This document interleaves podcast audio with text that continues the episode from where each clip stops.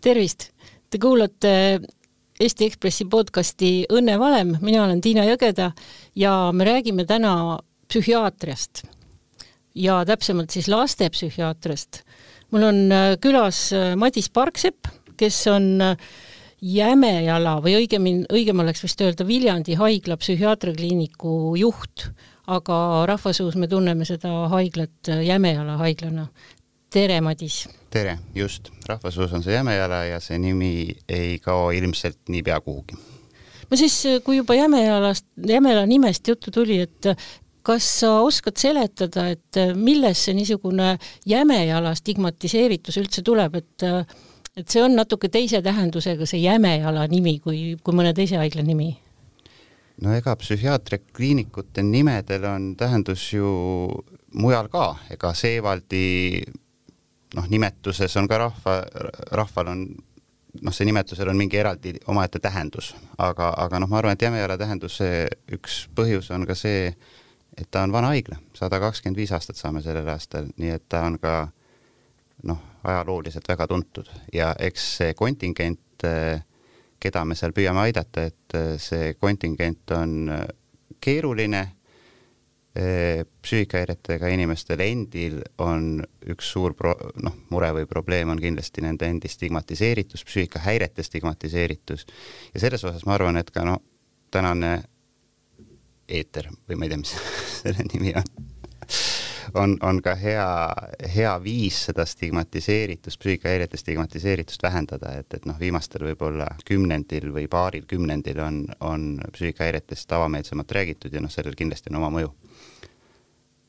ma küsiks äh, veel enne, kui me põhiteema juurde lähme, sinu enda kohta, et äh, sina oled valinud äh, lastepsühhiaatria. sa oled olnud nüüd praegu, sa oled, töötad otse Jämejalas, aga sa oled olnud ka pikalt lastepsühhiaatria õppejõud Tartu Ülikoolis. et kuidas su valik langes, et sa just lastepsühhiaatriale kaldusid? ühest küljest oli lastepsühhiaatria huvitav, aga teisest küljest ma pean ütlema, et eks siin oli juhusel ka äh, natukene rolli. ja, ja kui hakata mingi asjaga tegelema, siis kindlasti hakkab ka huvitama. Äh, muidugi minu kohta peab ütlema seda, et ma olen kogu oma karjääri töötanud paralleelselt nii laste kui täiskasvanutega, nii et noh, ei ole ma õige võib-olla lastepsühhiaater ega õige täiskasvanute psühhiaater. või oled õiged mõlemad? no või olen õiged mõlemad, jah aga, äh. aga ülikoolis ma praegu, praegu seni töötan lastepsühhiaatria õppejõuna. Äh, kogu aeg on kurdetud, et lastepsühhiaatreid on liiga vähe, on meil neid vähe ja miks? lastepsühhiaatreid on umbes poole vähem, kui võiks olla äh, Eesti rahvaarvu kohta, kui me tahaksime ennast võrrelda selliste Põhjamaadega, nagu me ikka tahame võrrelda. ja, ja osalt on võib-olla selle põhjuseks olnud ka et lastepsühhiaatreid ei ole pikka aega ei õpetatud, et minu meelest kas kaks tuhat üksteist äh, uuesti avati kõrvaleriala residentuuris, residentuurina siis lastepsühhiaatria õpetamine. enne seda toimus äh, pika aja jooksul äh, noh, õpetati üldpsühhiaatreid, kelledest siis mõni spetsialiseerus lastele aga ma julgen öelda, noh, ei saa võrrelda, et kumb on keerulisem eriala, aga aga võib-olla just vähemalt õppimise perioodis on lastepsühhiaatria võib-olla piisavalt palju keerulisem, et sellele mitte spetsialiseeruda.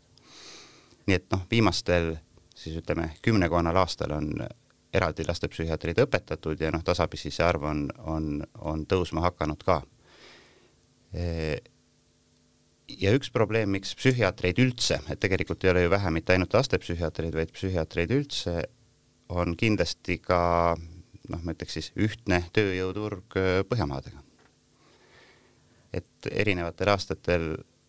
äh, noh, lahkub Eestist erinev hulk, osad tulevad ka otsapidi tagasi, osad psühhiaatrid tulevad ka otsapidi tagasi, aga, aga üldjoontes praegu siiski on äh, pigem me ikka kaotame aastas rohkem, kui, kui juurde võidame äh, psühhiaatria noh, eriala kolleege et meil on, rääkides nüüd täna ikkagi lastepsühhiaatritest, et äh, meil on nendest äh, kõva puudus, kas see mm, puudus väljendub ka siis laste vaimses tervises? jah, ja ma ütleks paradoksaalselt ei ka, sellepärast et vaimne tervis, ütleme siis, vaimne tervis ei alga kindlasti psühhiaatritest või psühhiaatriast, et äh, psühhiaatrid tegelevad vaimse tervise muredega, milledest on juba kujunenud välja haigused, et noh, laste psüühikahäirete puhul, ütleme siis laste meeleoluhäirete, ärevushäirete puhul ma julgen öelda, et äh, suur osa on ennetatavad, kes ei peakski üldse, tähendab, see häire ei peakski üldse välja kujunema ja nad ei peakski üldse psühhiaatri juurde jõudma. ehk siis äh, ütleme, psühhiaatria peegeldab üldist vaimse tervise olukorda just eelkõige lastel ja, ja, ja noortel, mis puudutab meeleoluhäireid ja ärevushäireid, et noh, võib-olla sellise meelevaldse paralleelina ma võiks tuua äh, olukorra, kus libedaga inimesed kukuvad tänaval ja satuvad siis traumapunkti, kus siis on pikad järjekorrad, aga mitte keegi ei küsi kunagi, et, et kas äh, inimesed kukuvad sellepärast, et äh, ortopeede on liiga vähe või et pikad järjekorrad on, sest ortopeede on vähe ja tegelikult ei küsita ka inimestelt, ei küsi ka inimesed, et äh, ortopeedid peaksid äh, koostama siis libeduse tõrjeplaane või käima ise äh, teid liivatamas. see on see, mida lastepsühhiaatritelt tegelikult palju oodatakse ja võib-olla see on ka üks mis ma ütlesin, väljaõppes keerukus on seotud just selle äh, noh, ütleme siis multidistsiplinaarsusega, lastepsühhiaatrid ei tegele ainult meditsiiniga, sotsiaalvaldkond, kasvatuslikud küsimused, haridusküsimused, kõiges selles orienteerumine, see on keeruline,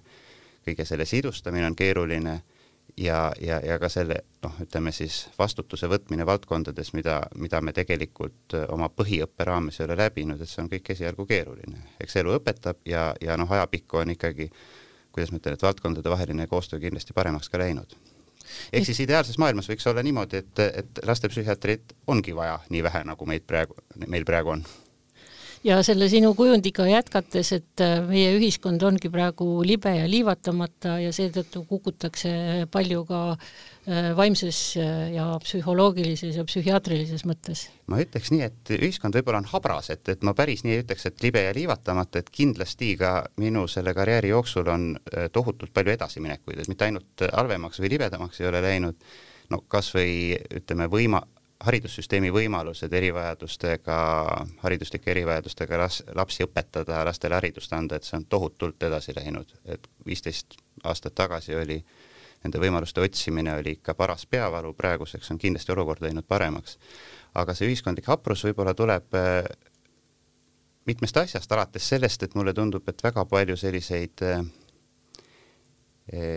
ütleme siis eneseabivõtteid või enda aitamist ka unustatakse sageli ära, et keegi peaks tegema, korraldama, ütlema, eh, kuidas, kuidas asjad käivad, eh, keegi peaks ütlema, et tegelikult noor inimene peab magama õigel ajal ja sööma õigel ajal ja liikuma ka ja, ja, ja suhtlema ja ja, ja teisest küljest kindlasti ühiskondlik haprus, noh eriti viimastel aastatel seoses koroonakriisiga, aga, aga ikka laiemalt on seotud ka sellise tohutu infomüraga mina julgeks öelda, et see on üks, mis kindlasti eristab praeguse põlvkonna noori noh, kümnekonna, kahekümne, kolmekümne aasta tagusest ajast, et ma just ise olen oma äh, lapsepõlve näitel mõelnud, et tõenäoliselt praegune laps saab tunnis rohkem infot oma telefonidest, telekatest, noh, kust iganes meediakanalitest, kui ma võib-olla sain kuu aja jooksul ja, ja selles infos orienteeruda, noh, see on üpris keeruline täiskasvanutele ka. et äh, ei ole ainult libedamaks läinud nüüd äh, tulles sinu igapäevatöö juurde, et äh, millised äh, või milliste diagnoosidega pa, su patsiendid on millise diagnoosiga pannakse nad haiglasse sisse, räägid sa lastest nüüd? no haiglasse sisse, kas siis uuringutele või ravi, ravida võetakse erinevate diagnoosidega väiksemad lapsed on. või algklassi lapsed, et noh, nende puhul põhiline pöördumise küsimus ja mure on seotud eh, eelkõige õpiraskustega ja, ja teismelistel vast ikkagi pöördumise peamised põhjused on eh, meeleoluhäired, ärevushäired, aga ka käitumishäired ja, ja erinevad kombinatsioonid. ja, ja noh, kõikide nende häirete mm, puhul võib olla vajalik haiglauuringud, haiglaravi ja, ja, ja teisest küljest jällegi äh, peaks olema laste ja noorukite ravi ikkagi võimalikult palju ambulatoorne, see tähendab, et me võimalikult palju abi peaksime suutma pakkuda ikkagi seal, kus laps elab, seal, kus laps õpib, seal, kus äh, laps käib ja viibib, et mitte teda hoidma, hoidma haiglas pikaajaliselt kinni et äh, psühhiaatriakliinik ei ole see koht, kuhu laps saaks tulla nii-öelda peitu või kus ta pääseks äh, maailma raskuste eest? psühhiaatriakliinik, ma arvan, ei peaks olema see paik, kus, mis, mis on mõeldud siis järelevalveks või, või, või, või hoolduseks või ta peaks olema ikkagi meditsiiniline raviasutus, kus tehakse diagnostilised protseduurid, juhatatakse sisse ravi, noh enamasti psüühikahäirete ravi on, on, on pikaajalisem, et seda, see ei saa haiglas valmis, aga, aga, aga seda saab haiglas sisse juhatada. aga, aga üldiselt ma arvan jah, et noor inimene peaks viibima psüühi-, psühhiaatri osakonnas ikkagi suhteliselt lühiajaliselt. Mis see lühike noor... aeg on ja kui palju pikk aeg, kui kaua nad äh, saavad seal olla? no ma ütleks niimoodi, noh, noorte jaoks on see lühike ja pikk aeg muidugi teine kui täiskasvanutele, et noh, nendele võib olla sõltuvalt olukorrast üks päev või kaks päeva ka äärmiselt pikk, pikk ja vaevarikas, aga, aga noh, ütleks, et kuni paar nädalat on, on selline lühike aeg ja sealt edasi tegelikult noh, see on aeg, millega, millega jõuab äh, diagnostika ja ravi sisse, diagnostikaprotseduurid ja ravi sissejuhatus ära te teha. iseküsimus, et kas sellise, kas äh, Eestis ei võiks või ei peaks olema selliseid nii-öelda ravikodu tüüpi asutusi, kus äh, noored saavadki viibida pikemalt, käia koolis äh,, noh, eelkõige siis sellised äh, noored, kellel äh, noh, see toetus ei ole tagatud siis kodu poolt et äh, see on nüüd eraldi, eraldi teema ja ma arvan, et, äh, et noh, see, sellekohaseid algatusi ja, ja, ja, ja projekte on ka püütud läbi viia. et selle suund, see suund on igati okei okay,, aga, aga noh, raviasutusena ma arvan, et psühhiaatri osakonnad jah, ei peaks pikaajalisi teenuseid pakkuma. kui no psüühikahäiret võib vist ütleme, jagada niimoodi, et ühed on nagu kaasasündinud, et inimesel on tõesti mingisugused kas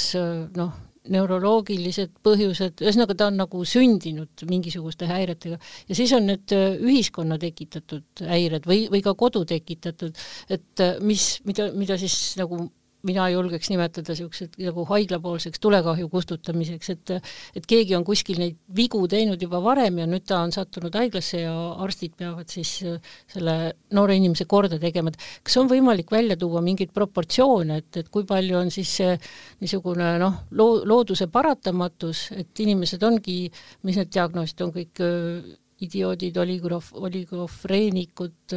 noh no, ma ei hakka sinu eest lugema neid, jah. intellekti arenguhäired või, või noh, tõesti, see on väga õige ja kohane, et, et psüühikahäireid saabki jaotada siis arengulisteks, noh, kõige tuntumad võib-olla ongi siis intellekti arenguhäired, autismispektri häired, millest ka natukene rohkem on räägitud ja, ja nende hulka kuulub ka näiteks aktiivsustähelepanu häire. E, teiste psüühikahäirete puhul, mis on näiteks ärevushäired ja meeleoluhäired, mida, mida ma ka enne nimetasin, et äh, noorte hulgas võib olla pöördumise ühed sagedasemad põhjused, et nende puhul tõesti saab öelda seda, et äh, nende kujunemine võtab pikalt aega ja nende kujunemise põhjuseks sageli on, äh, on need vanemlikkuse küsimused, on need koolikiusamise küsimused, noh, ütleme siis tõesti väljastpoolt või, või, või, või, või ühiskonnast tulevad, tulevad siis enamasti halbade asjaolude kokkusattumused. Ja äh, laste ja noorte meeleoluhäired ja ärevushäired on tõesti suures osas äh, välditavad, mitte sajaprotsendiliselt, ka nendel on oma bioloogiline selline taust, äh, bioloogiline põhjus on olemas, ehk siis noh, või võiks öelda, et selline eelsoodumus mingite psüühikahäirete, näiteks depressiooni või ärevuse kujunemiseks on igalühel kaasa antud, ehk, ehk siis või, või teistpidi keerates siis võib-olla vastupanuvõime välistele stressoorsetele teguritele, et mõni inimene ka sealhulgas laps ja noor peab väga hästi vastu ja ükskõik, mis temaga juhtub, tal ei kujune välja mingeid psüühikahäireid ja ta saab, saab oma elu ja toimetustega hästi hakkama ja teistel jällegi, teistel jällegi vastupanuvõime on, on, on nõrgem ja nad noh, on suurem risk siis saada saada mõni psüühikahäire, aga, aga tõsi, välja kujunenud psüühikahäired reegli, jällegi, kui me räägime ärevushäiretest, meeleoluhäiretest, siis nad reeglina tõesti peegeldavad varasemalt no ütleme siis puudujääke, on need kasvatuslikud, on need hariduslikud, on need, on need sotsiaalsed suhted eakaaslastega suhted, mis on viltu läinud, et, et nendel tõesti on põhjus ja jällegi nende käsitlus äh, samamoodi ongi ju nende põhjuste kõrvaldamine, et see on ka põhi, põhjus, miks ma ütlen, et, et haiglas neid asju ei lahenda kümne päeva või kolme nädalaga. et need on pikaajalised, äh, pikaajalised mured ja nende lahendus samamoodi äh, peaks toimuma selles keskkonnas, kus noor viibib, haigla on ikkagi väga ja äärmiselt kunstlik keskkond, kus on mille ütleme, sarnasus selle päriseluga on, on, on suhteliselt äh, vähene, mis ei peegelda tegelikult äh, seda situatsiooni ja tausta, kus noor igapäevaselt äh, elab no kuidas te saate ravida noort inimest, kes on näinud äh, kodus mitu aastat äh, oma vanemate rasket lahutust, võib-olla koduvägivalda, ta on olnud äh, koolikiusamise all, tal ei ole võib-olla alati olnud süüa ja korralikke riideid selga panna ja tema psüühika on lõpuks toonud teid tema juurde, no mis te siis temaga teha saate? no esiteks võib-olla aidata vaadata seda olukorda noore jaoks ka, kuidas ma ütlen, noh, selgitada või, või, või, või, või sellest olukorrast kõrvalseisja pilgu abil äh, aru saada, et mis toimunud on, sest noh, sageli kui me räägime äh, meeleoluhäire või ärevushäirega patsientidest, siis noh, nende jaoks on see olukord abstraktne, halb, negatiivne emotsioon ja, ja, ja, ja ongi vaja kedagi kõrvalseisjat, kes sellele nagu hinnangu annab. no teisena kindlasti tuleb noort äh, toetada selle olukorra lahendamisel, noh, mis enamasti muidugi ei ole ju otseselt noore enda käes, aga, aga noh, siin me saame juurde ju tuuagi noh, pakkuda vanematele, vanemate nõustamist või, või pereteraapiat, see on üks koht, kus ma näen tegelikult suhteliselt palju puudujääke, et mitte vanemad ei hooli oma lastest või, või, või neil on ükskõik, kuidas neil läheb, vaid neil puuduvad oskused ja teadmised muuhulgas selle osas, et, et kuidas lapse käitumine või tähendab, kuidas nende käitumine last võib mõjutada või seesama näide lahutusest, et, et see lahutuse protsessimised ja asjaajamised, et, et, et see võibki olla põhjus, mille sageli noh, selline justkui eesmärk on tagada lastele siis kõik, kõik hea ja et kõige õigem ja parem lahendus oleks, aga, aga mille käigus laps on ära ununenud ja tegelikult põhjustabki see lapsel psüühikahäireid, et noh, kindlasti selline mm, nõustamise või teraapiatöö on üks, üks äh, noh, osa siis ravist. ja, ja, ja tegelikult noor, noorte puhul ja laste puhul ka on, on, on ka väga palju erinevaid no ütleme siis ravimeid või võimalusi neid sellest nii-öelda kõige süngemast või mustemast kriisist välja tuua, aga noh, jällegi, et ravi või rohu eesmärk ei e, saa olla kunagi selle põhjustanud probleemi e, kõrvaldamine, et see, selle lahendamiseks tuleb leida muid, muid teid, viise, kaasata lastekaitset, kaasata teisi spetsialiste, noh, sageli koole. Ja, ja ei tohi kunagi ka ära unustada näiteks kooli, koolikiusu näitel, et, et ravi eesmärk ei saa olla eh, parandada või tõhustada ravimitega lapse vastupanuvõimet eh, koolikiusu taluda, et see kius tuleb ikkagi ära lahendada, et noh, see on umbes sarnane ju, kui me lähme äh, trenni ja treenime kõhulihased tugevaks, et, et siis kannatame rohkem lööke kõhtu. nojah, võib-olla tippspordis see on okei okay,, aga, aga päriselus ei ole, nii et et selles mõttes see raviprotsess tõesti, see on mitmetahuline, see on nõustamised, need on teraapiad, need on, need on ravimid, aga, aga noh, ma julgeks öelda küll jällegi töötades laste ja täiskasvanutega, et see ravimite osatähtsus psüühikahäirete ravis kindlasti oluliselt väiksem on lastel ja noortel, et, et seal on ikkagi need muud ütleme, muud tegevused oluliselt suurema kaaluga. viimased kaks aastat on äh, vaimse tervise teemad äh, väga aktuaalseks tõstnud ja on palju räägitud sellest, et äh, inimeste vaimne tervis on siin kriisi ajal palju kannatada saanud ja järjest hullemaks läheb. Kas äh, sina oma igapäevatöös juba näed, et see kriis avaldab äh, inimeste vaimsele tervisele, kes juba sinu juurde jõuavad, äh, mõju, on neid rohkem või on nad teistsugused? no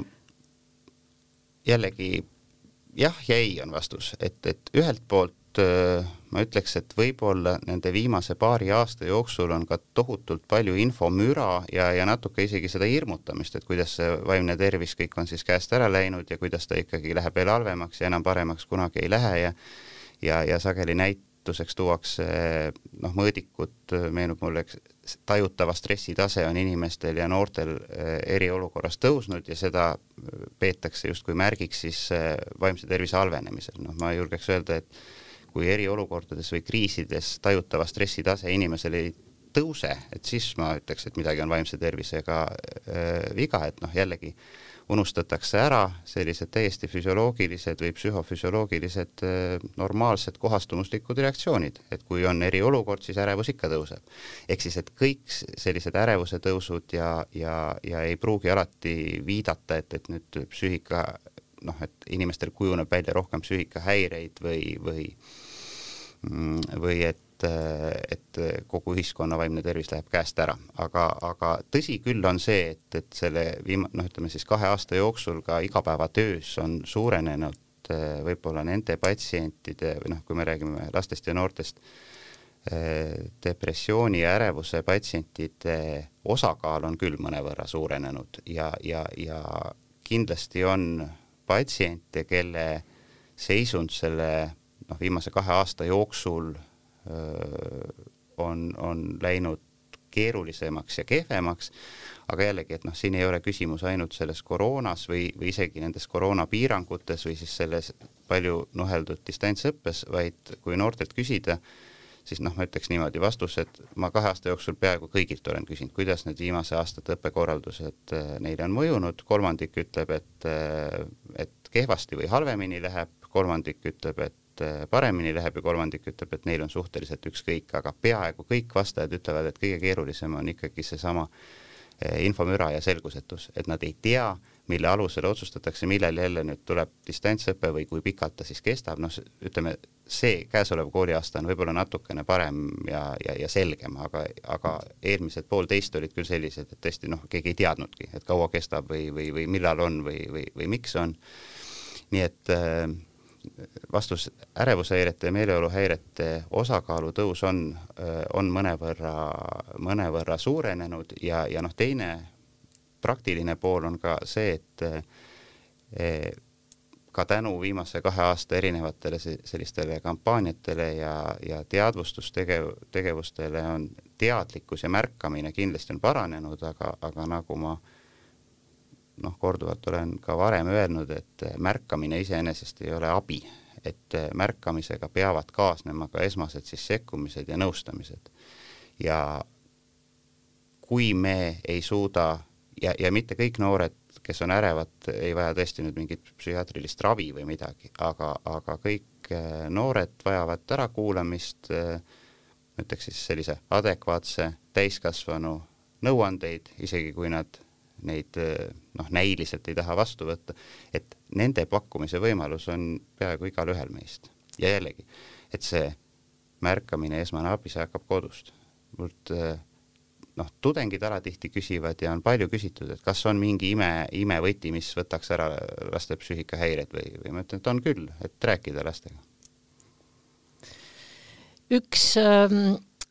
ma ei tea, kas sina nimetaksid seda psüühikahäireteks, aga üks äh, nähtusi, mis noorte puhul viimasel ajal väga tihti esineb, on enesevigastused. ma ei tea, kas, kas neid esineb rohkem kui varem või on neist räägitud ja neid märkama hakatud rohkem kui varem? ausalt öeldes on uuringud selle kohta natukene vastukäivad, noh, tundub, et tõenäoliselt natukene rohkem neid esineb, kindlasti neist räägitakse rohkem ja noored ise räägivad neist, neist rohkem. ja, ja õige on ka see, et, et enese vigastamine ei pruugi alati tähendada, et noorel on mingi raske psüühikahäire, et sellel võib olla ka mitmeid teisi põhjuseid, aga teisest küljest jällegi enesevigastamine noorel, kellel on psüühikahäire, näiteks depressioon, on, on, on kindlasti üks selline mm, indikatiivne siis märk, et, et midagi tuleks kiiremini ette võtta mulle meeldis ühel ähm, konverentsil äh, sinu öeldud äh, mõte või lause ja see kõlas niimoodi, et kõikide arstide jaoks on äh, probleem need vigastused, mida endale tehakse, aga vigastaja jaoks on põhiline, miks ma ennast vigastan. miks ta ennast vigastab? Ja täpselt nii ongi, et, et selle me sageli nagu unustame ära, et, et me näeme, et, et keegi on noh, näiteks ennast lõikunud, noh siis kõigepealt loomulikult sellised esmased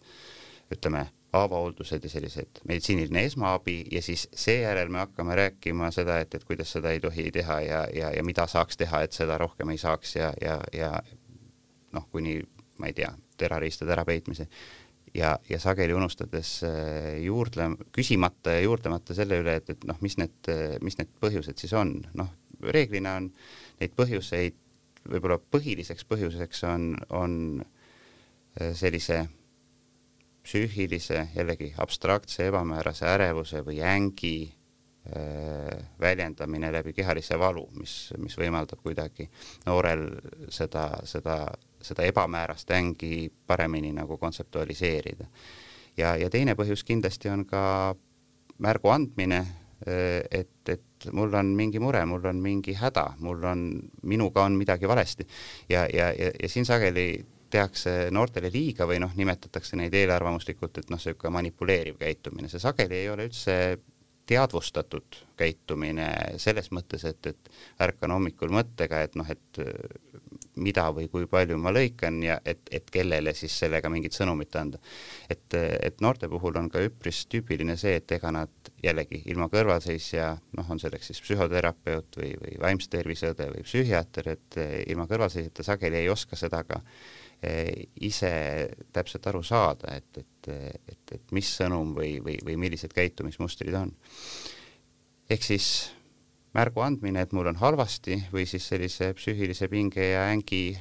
kanaliseerimine füüsilisse valusse on vast põhilised põhjused ja, ja, ja, ja, ja kindlasti on siin ka kolmas, kolmas põhjus on ka siis selline nagu proovimine või matkimine või matkiv käitumine, aga, aga noh, see enamasti on siis selline ühekordne või, või, või harv, aga, aga noortega rääkides noh, päris paljud ütlevad, ma ka proovisin, noh, et kas, kas see aitab, et kas see võtab kuidagi selle pinge ära. ja füüsiline valu võib psüühilist pinget ajutiselt võtta, võtta ära või nagu leevendada küll, aga noh, see efekt on ajutine, et, et see ei ole pikaajaline efekt ja, ja, ja see kindlasti ei ole pikaajaline selline toimetulekustrateegia. ja kui me juba nendest põhjustest aru saame, et mis toimub, mis, mis need põhjused on, et, et siis saab hakata neid põhjuseid ka lahti harutama mõned põhjused on kõrvaldatavad, mõned põhjused on õpet-, noh, siis ümber õp-, vajavad siis sellist nõustamist või, või, või ümberõpet. Mm, ja, ja, ja, ja noh, mõnede põhjuste korral tuleb õppida, õppida nende muredega ka elama, et noh, et üks kindlasti, mis oskus, mida, mida noortele mm, kes ennast vigastavad, tuleb juurde anda, on, on oskus oma emotsioone ohjata, emotsiooni regulatsiooni kontrolli parandamine ehk et kui äh, inimesel puudub sõnavara, kuidas oma tundeid väljendada ja võib-olla tal ei olegi kellegagi rääkida, ta ei ole kunagi rääkinud, et siis äh, käepärasem ja lihtsam tundub siis äh, ennast lõikuda. jaa, mitmetel juhtudel on see väga, väga, väga kohane kirjeldus, et täpselt nii ongi. ja kui nüüd sa mainisid, et et noor tahab sellega märku anda et aga kuidas ta siis tahab märku anda, ta ju enamasti ta püüab seda varjata, et ta paneb pikkade varrukatega pusa selga ja ja vanemad ei näe üldse seda keha, kus nad siis noh, nägu, nägu vist reeglina ei lõigata ju. nägu reeglina mitte, kuigi, kuigi on ka selliseid, selliseid juhtumeid ja, ja meenub üks, üks neiu, kelle puhul oli tõesti noh,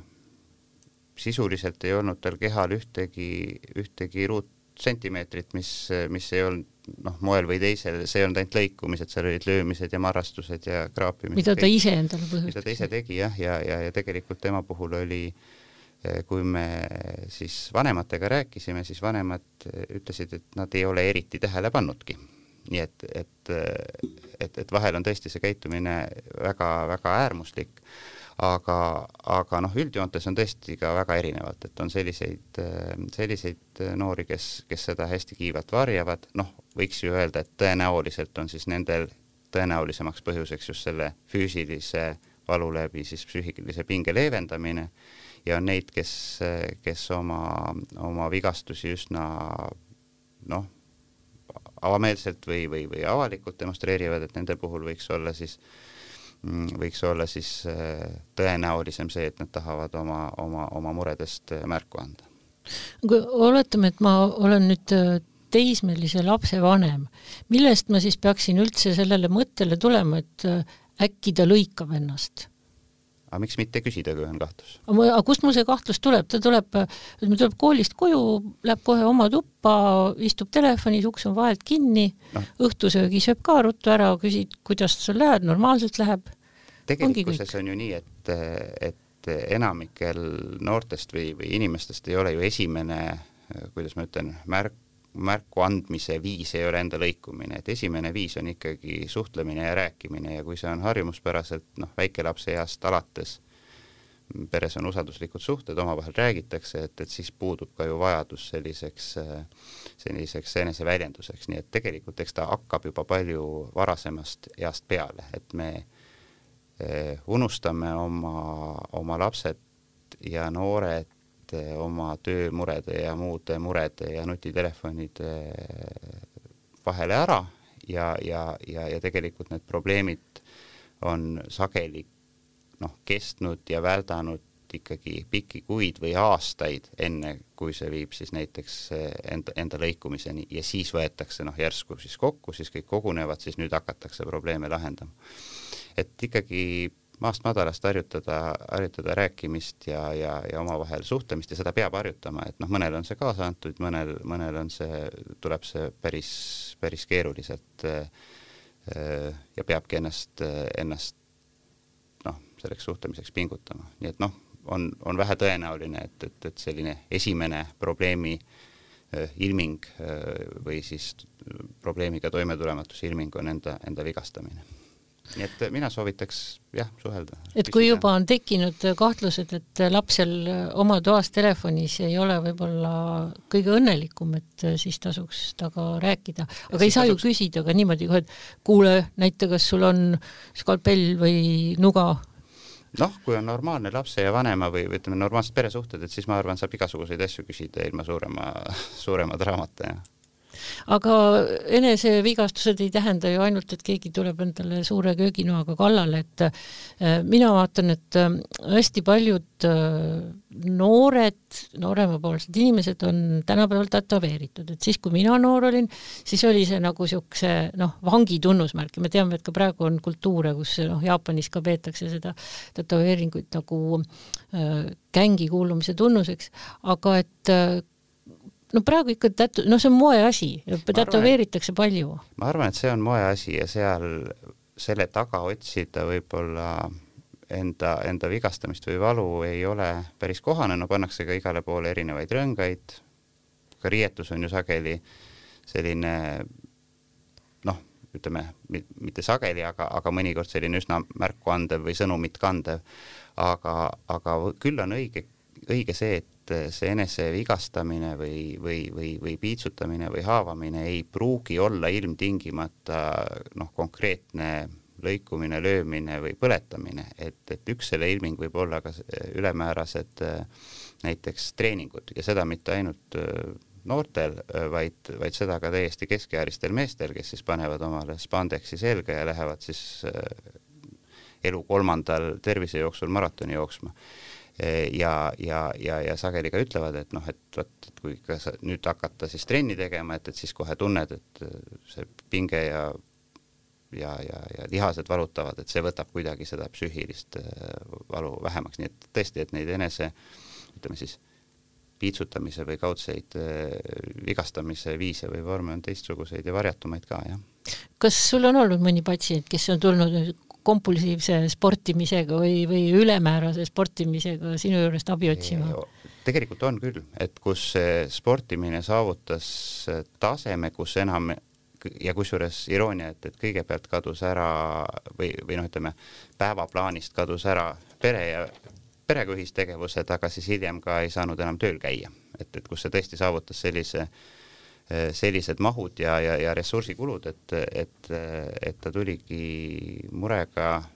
noh, ta ise nimetas seda, et, et see on sarnane nagu hasartmängurlus, et ta enam ei suuda, et, et ta ainult loeb kilomeetreid ja siis ta ärkab selle mõttega, et kui palju kilomeetreid saaks, mis ta tegi, ratast sõitis ja suusatas ja noh, kõike muidugi, tulebki kõike teha. kuidas sa teda aidata said? No tema abi oli ka peamiselt ikkagi psühhoteraapia, ma igaks juhuks võin öelda, et mina ei ole psühhoterapeut, enamasti. Psühhoteraapiaid Eestis teevad kliinilised psühholoogid, mõned psühhiaatrid ka. Aga, aga tema puhul ka ikkagi oli, oli äh, abi sellest, kui nende äh,, kuidas ma ütlen siis, ühest küljest aidata tal pingete tekkimise nende põhjusteni jõuda, aga teisest küljest aidata ka tal välja kannatada seda noh, ütleme siis rasket emotsiooni, noh, see on natukene nagu tõesti ju sõltuvushäire korral, et et kui ta ei saa kohe joosta, vaid et ta ikkagi peab ka perega tegelema ja et ta peab ikkagi tegelikult oma tööasjad ka nagu joone peale tagasi saama, et, et esialgu see ju põhjustab suurt pinget, et noh, kilomeetreid ei tule, et, et aidata sellise negatiivse emotsiooniga toime tulla, nii et noh, ütleme tema puhul oli jah, sellised psühhoterapeutilised sekkumised aitasid teda kust jookseb see piir, kuidas aru saada, et me no nii ka lähedased või pereliikmed äh,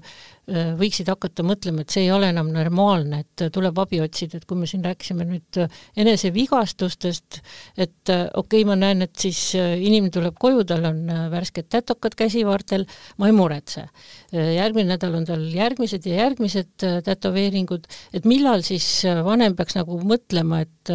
aga äkki seal on kuskil millegagi liiale mindud no iseenesest võiks alati nii vanem kui, kui, kui peresuhetes üldse inimesed võiksid hakata uurima ja küsima, kui mingid suured drastilised muutused toimuvad,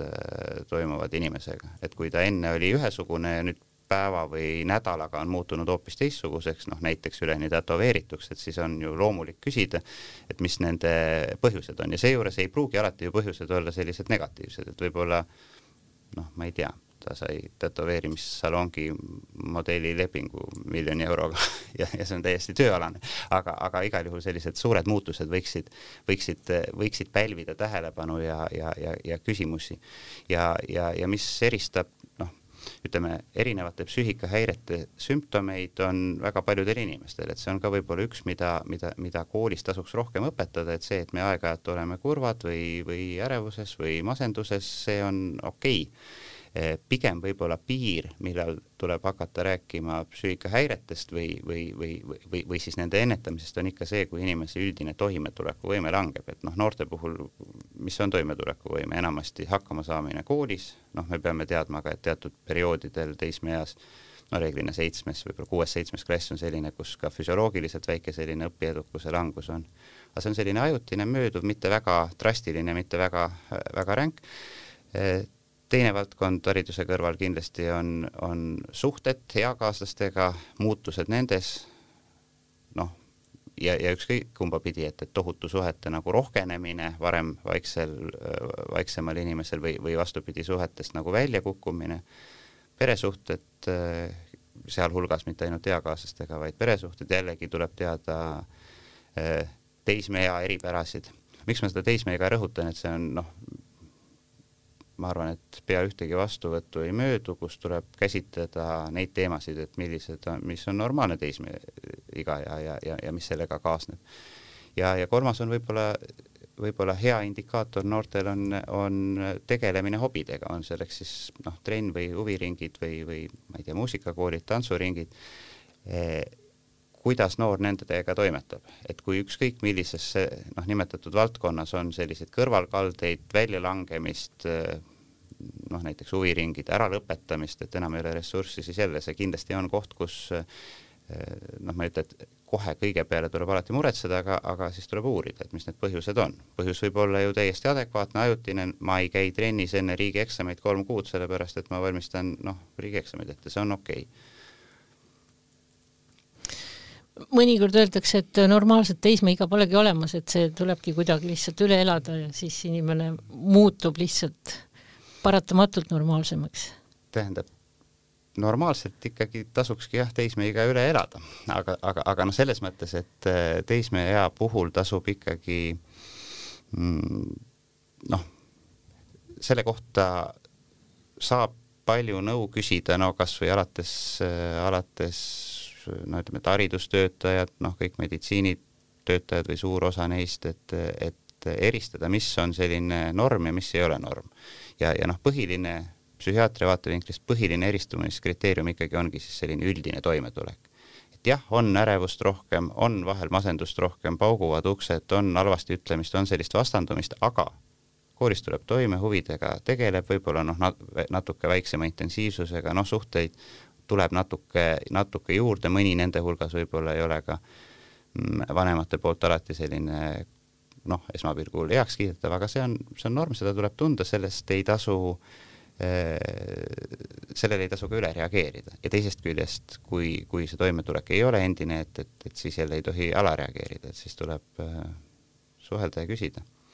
Peab vaatama nii palju, kui siis see noor sulle silma alla satub, et äh, teismeikka kuuluvad ka katsetused igasuguste ainetega ja noh, mina oma, oma noorusest mäletan, et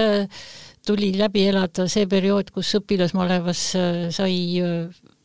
joodud erinevaid alkohoolseid jooke. Tänapäeval ma olen kuulnud lapsevanematelt, et noored ei katsetagi nii palju mitte alkoholiga, vaid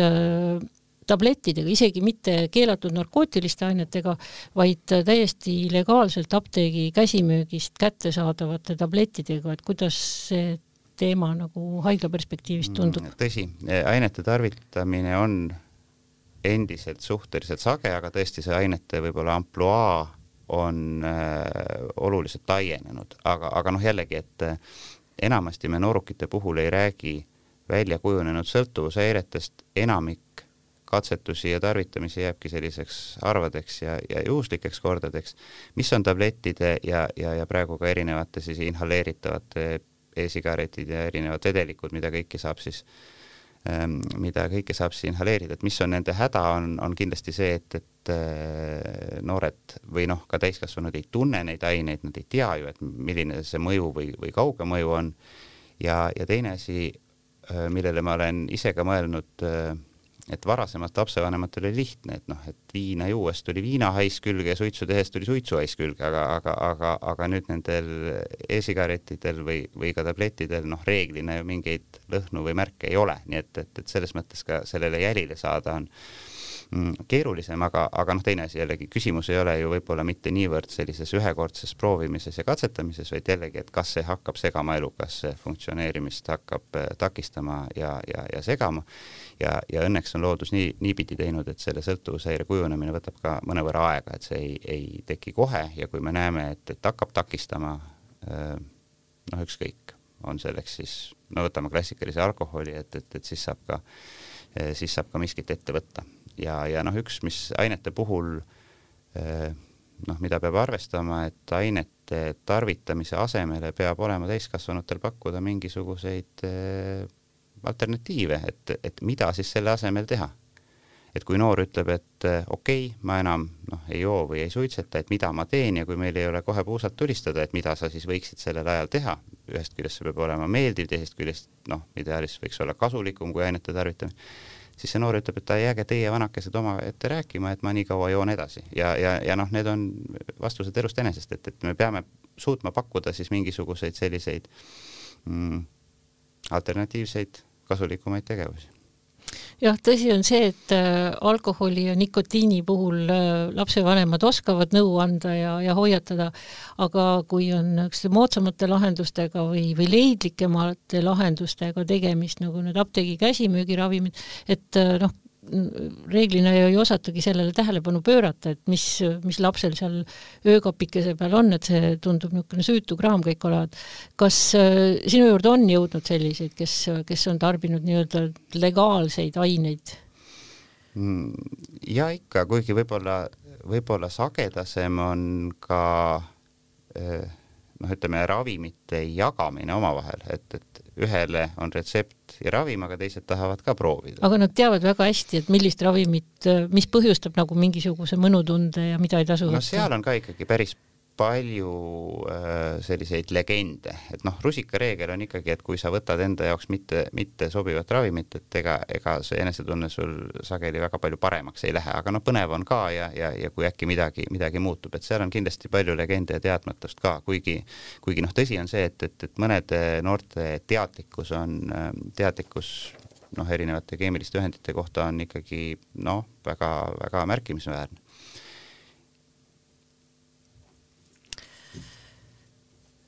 ühesõnaga, et noored võivad juba ka vanemaid õpetada ja neil on ka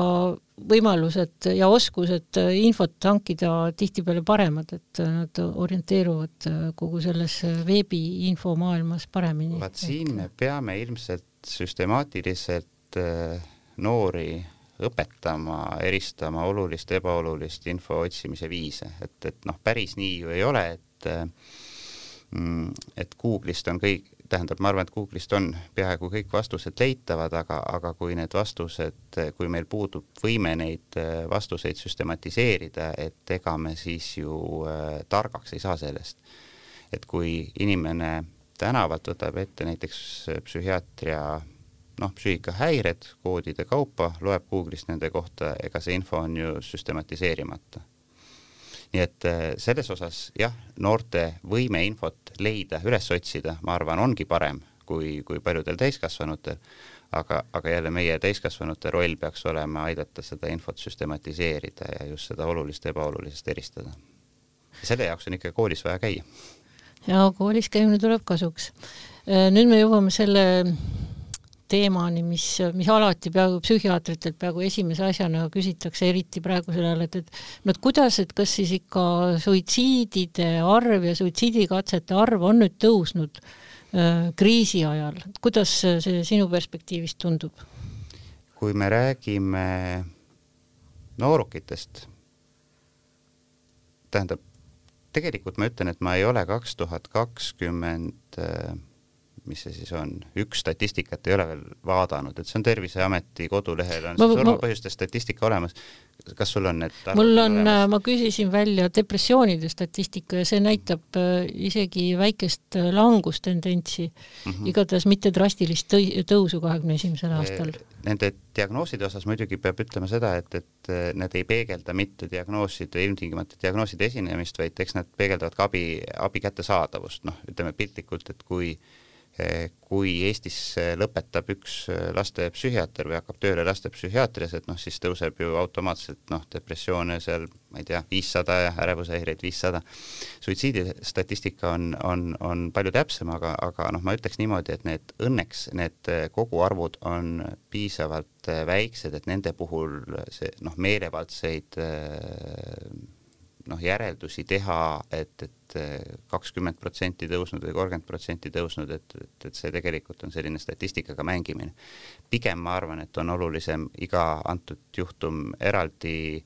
läbi analüüsida, läbi vaadata, sealhulgas äh, teha selgeks, äh, et, et, et mis on need kohad, mida, mida, mida noh, ütleme kas laiemalt ühiskondlikult või, või, või, või siis äh, noh, ma ei tea, näiteks konkreetse pereringis, et noh, et mida saaks teha, et, et edaspidi selliseid asju vältida, et ma arvan, et seal üldisest statistikast on palju olulisem on analüüsida neid juhtumeid eh, eraldiseisvana. täiskasvanute osas jällegi kaks tuhat kakskümmend aasta oli mm, pisikene või noh, ütleme, kui me kõik eh, suitsiidid paneme kokku, et oli pisikene, pisikene tõus, eh, aga, aga jällegi noh, ütleme nende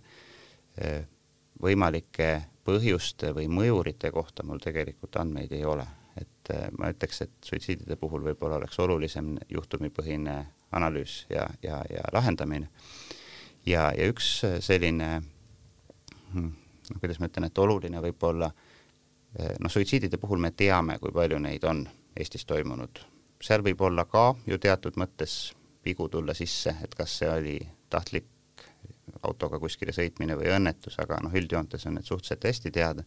küll aga ei ole meil tegelikult sellist äh, korralikku statistikat äh, suitsiidkatsete või ka enese vigastamise kohta. jällegi siin tuleb rõhutada, et enese vigastamine ei noh, sageli ei ole ja, ja, ja ei, ei pruugi olla kuidagi suitsidaalsusega seotud või, või, või, või surmamõtetega seotud, nad võivad olla, ei pruugi olla seotud aga, aga see statistika jääb sageli meil eh, täpsemalt teadmata, et kui palju neid eh, suitsiidkatseid on. lõpetuseks ma siis küsingi, et nüüd, kui nüüd eh, noorel inimesel on paha olla, et mis ta siis teeb, et valibki Jämejala kliiniku numbri lihtsalt ja tuleb kohale või? kui noorel on paha olla, siis ideaalses Eestis peaks olema ikkagi see esimene koht ja võimalus, kes, kes teda, talle nõu ja abi annab, perekond ja noh, sageli see ju nii ka on. ja, ja teiseks kindlasti peaks olema see abi, on see lasteaias või, või, või koolis või haridusasutuses oluliselt äh, hõlpsamini kättesaadav, noh, kui kas või mõelda, et kui paljudes lasteaedades tegelikult ei ole meil näiteks logopeedi või, või, või on selle kättesaadavus väga kesine või kui paljudes koolides ei ole psühholooge, et see esimene abi tegelikult eh, peaks tulema ja noh, head on need kohad, kus, kus abi ka tõesti siis võimalikult varakult kohale, kohale eh, või võimalikult siis noorele lähedal kättesaadav on. ja järgmine samm tegelikult peaks ikkagi olema pöördumine perearsti juurde et ka selles osas on, ütleme siin edasiminekuid pereõdede, perearstide, ütleme siis psüühikahäirete nõustamise ja ravi pakkumine on pidevalt tõusnud, nad teevad seda tööd päris, päris, päris tublisti. paar aastat tagasi või noh, ütleme minu teada üks-kaks aastat tagasi alates on võimalus ka perearstil e-konsultatsiooni kaudu siis laste ja noorukite psühhiaatriga konsulteerida, kui tema juurde on tulnud patsient ja seal on raviküsimused. mis mind äh, sageli paneb nagu kummastama, et, et sellest hetkest, kui noor, noh, ütleme siis noor on öelnud, et tal on halvasti ja siis lähedased võib-olla ka on öelnud, et tal on halvasti, äh, kuni ta satub psühhiaatri juurde, mis võib võtta kuid või pool aastat, ja kui küsida, et aga mis siis vahepeal, mida sa oled iseenda jaoks teinud, ei midagi, ma ootasin aega, mida noh, on keegi sind nõustanud, midagi pakutud, ei, ma ootasin aega. et äh, on ka väga palju eneseabi võimalusi ja võtteid, mis tegelikult seda olukorda äh, leevendavad, et ähm, noh, selles osas näiteks ma ei tea, kas siin saates reklaami võib teha, noh, Peaasi, ma ei tee endale, see ei ole minuga seotud, peaasi.ee, kus on äh, noh, kokku kogutud muuhulgas ka selliseid eneseabivõtteid, aga, aga noh, muidugi sellise vaimse tervise abc algab ikkagi tavalise elu, äh, elustiili korrigeerimises, piisav uni normaalne uni, normaalne tasakaalus söömine, normaalne liikumine. Ja mis need veel siis on, digihügieen võib-olla ütleks praegusel ajal. väga ilusad nõuanded, magage rahulikult, sööge korralikult, hoidke telefon endast piisavas kauguses ja teil on Madis Parksepa juurde vähem asja kui kõiki neid eelpool nimetatud Äh, kuritarvitades. et me tõmbame tänase podcasti otsad kokku, minu külaline oli äh, Viljandi haigla psühhiaatriakliiniku juht Madis Parksepp, mina olin Tiina Jõgeda, ärge jätke ennast üksi, olge õnnelikud ja rõõmsad! aitäh!